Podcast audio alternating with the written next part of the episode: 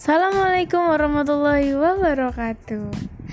Selamat pagi, siang, atau malam teman-teman.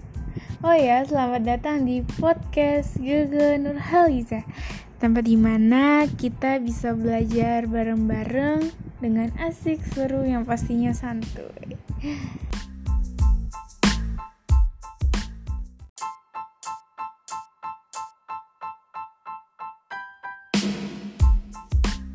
Oh ya, sebelumnya kenalin nama aku Gege Nurhaliza. Panggil aja Gege. Oke teman-teman yang ingin dengar podcast aku kali ini Kalian bisa sambil nyemil bahkan rebahan gimana posisi anak kalian Karena kita belajar sejarah kita jangan serius-serius lah Kita bawa santuy aja Oh ya sekali lagi teman-teman mau ngingetin aja karena sekarang negeri kita yang kita cintai Indonesia ini sedang ada wabah virus corona. Aku cuman pengen ingetin aja, kita harus jaga kesehatan, makan makanan yang sehat, yang pastinya selalu pakai masker dan cuci tangan. Dan semangat dalam menjalani aktivitas sehari-hari. Karena kita pasti bisa mencegah itu virus corona.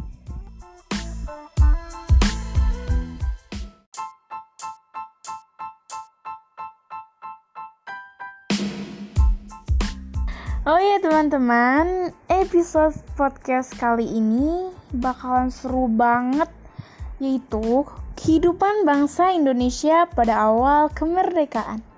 Kenapa seru?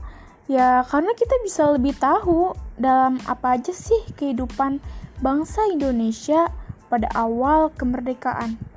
Nah, pasti kalian udah pada kepo kan? So, langsung aja kita pergi ke masa lalu. Let's go!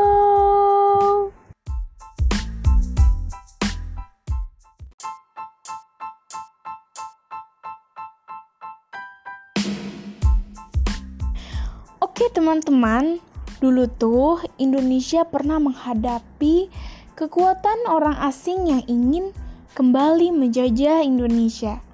Terjadilah konflik antara Indonesia dengan kekuatan asing, terutama Belanda. Kemudian timbul perlawanan dari berbagai daerah.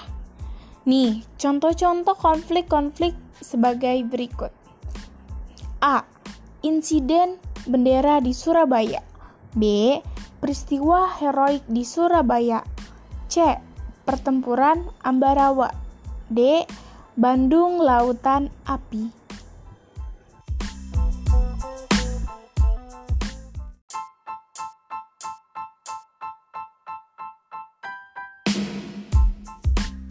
Oh ya teman-teman, setelah itu ada konflik Indonesia melawan Belanda sebagai berikut.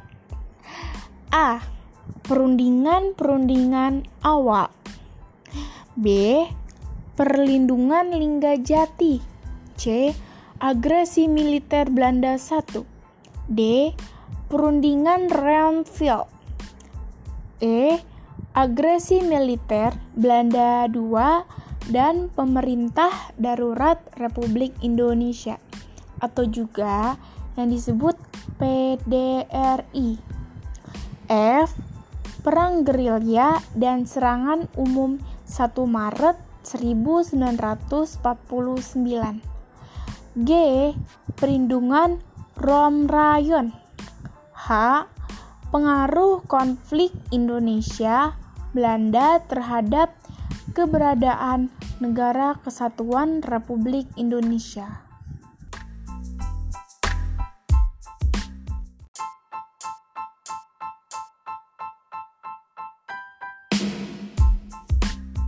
Oke, teman-teman, setelah mengalami konflik perang dan perlindungan-perlindungan, selanjutnya diplomasi dan pengakuan kedaulatan.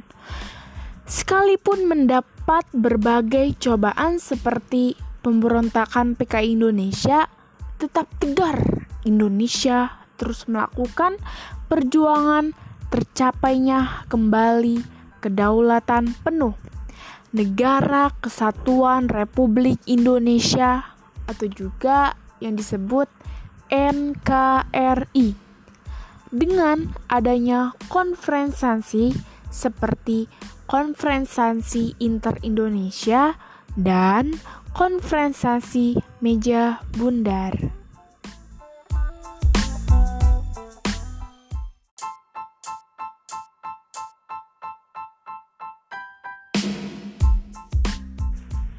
Oke teman-teman, selanjutnya itu ada konferensi inter-Indonesia. Apa sih konferensi inter-Indonesia? Nih, konferensi inter-Indonesia adalah konferensi antara negara-negara BFO dengan RI. Konferensi diadakan pada tanggal 19 sampai 22 Juli pada tahun 1949 di Yogyakarta. Konferensi dilanjutkan di Jakarta pada tanggal 30 Juli sampai 2 Agustus pada tahun 1949.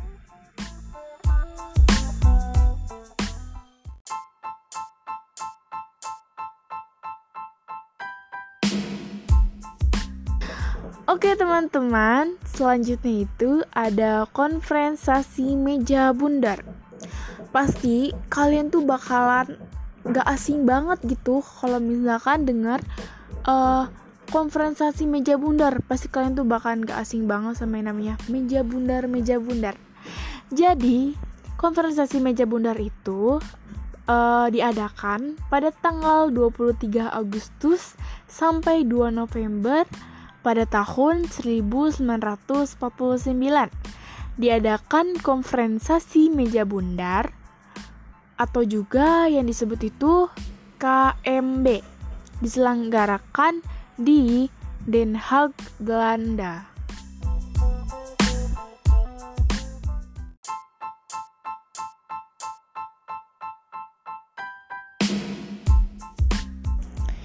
Oke teman-teman, selanjutnya Oh ya, sebelumnya kalian jangan bosen-bosen ya dengar suara aku.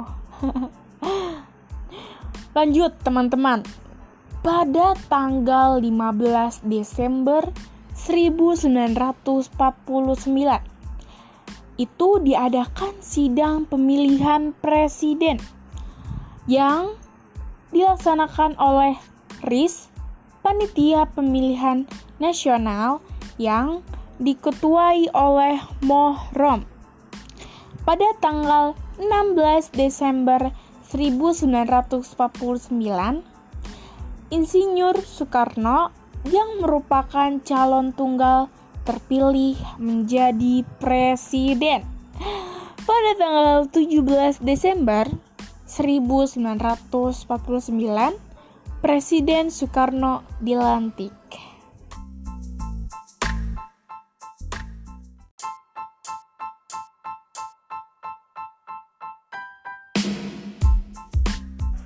Oke, selanjutnya teman-teman. Setelah negara dan pemerintahan RIS terbentuk, maka segera dilaksanakan upacara penyerahan dan pengakuan kedaulatan dari Belanda kepada RIS.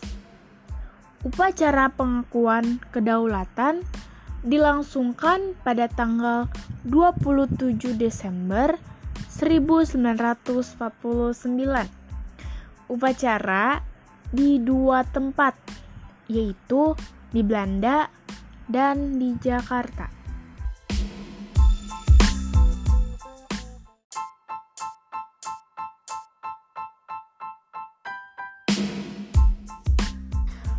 Oke teman-teman, kita bahas dulu yang di negara Belanda. Di negara Belanda, penyerahan kekuasaan dilakukan di ruang tahta istana kerajaan Belanda.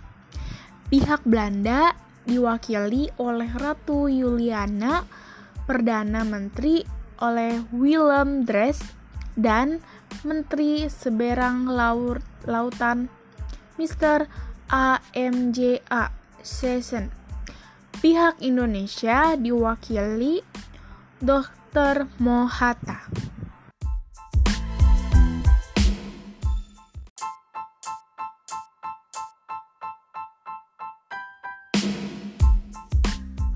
Oke teman-teman, selanjutnya yang di Jakarta. Pihak Belanda diwakili oleh A. J. Loving. Pihak Indonesia diwakili oleh Sri Sultan Hamengkubuwono 1X. Dengan dilaksanakannya upacara penyerahan kedaulatan ini, Indonesia kembali menjadi negara yang berdaulat penuh, walaupun secara kewilayahan belum sepenuhnya. Hal itu disebabkan oleh Irian Barat masih berada di bawah pengaruh Belanda.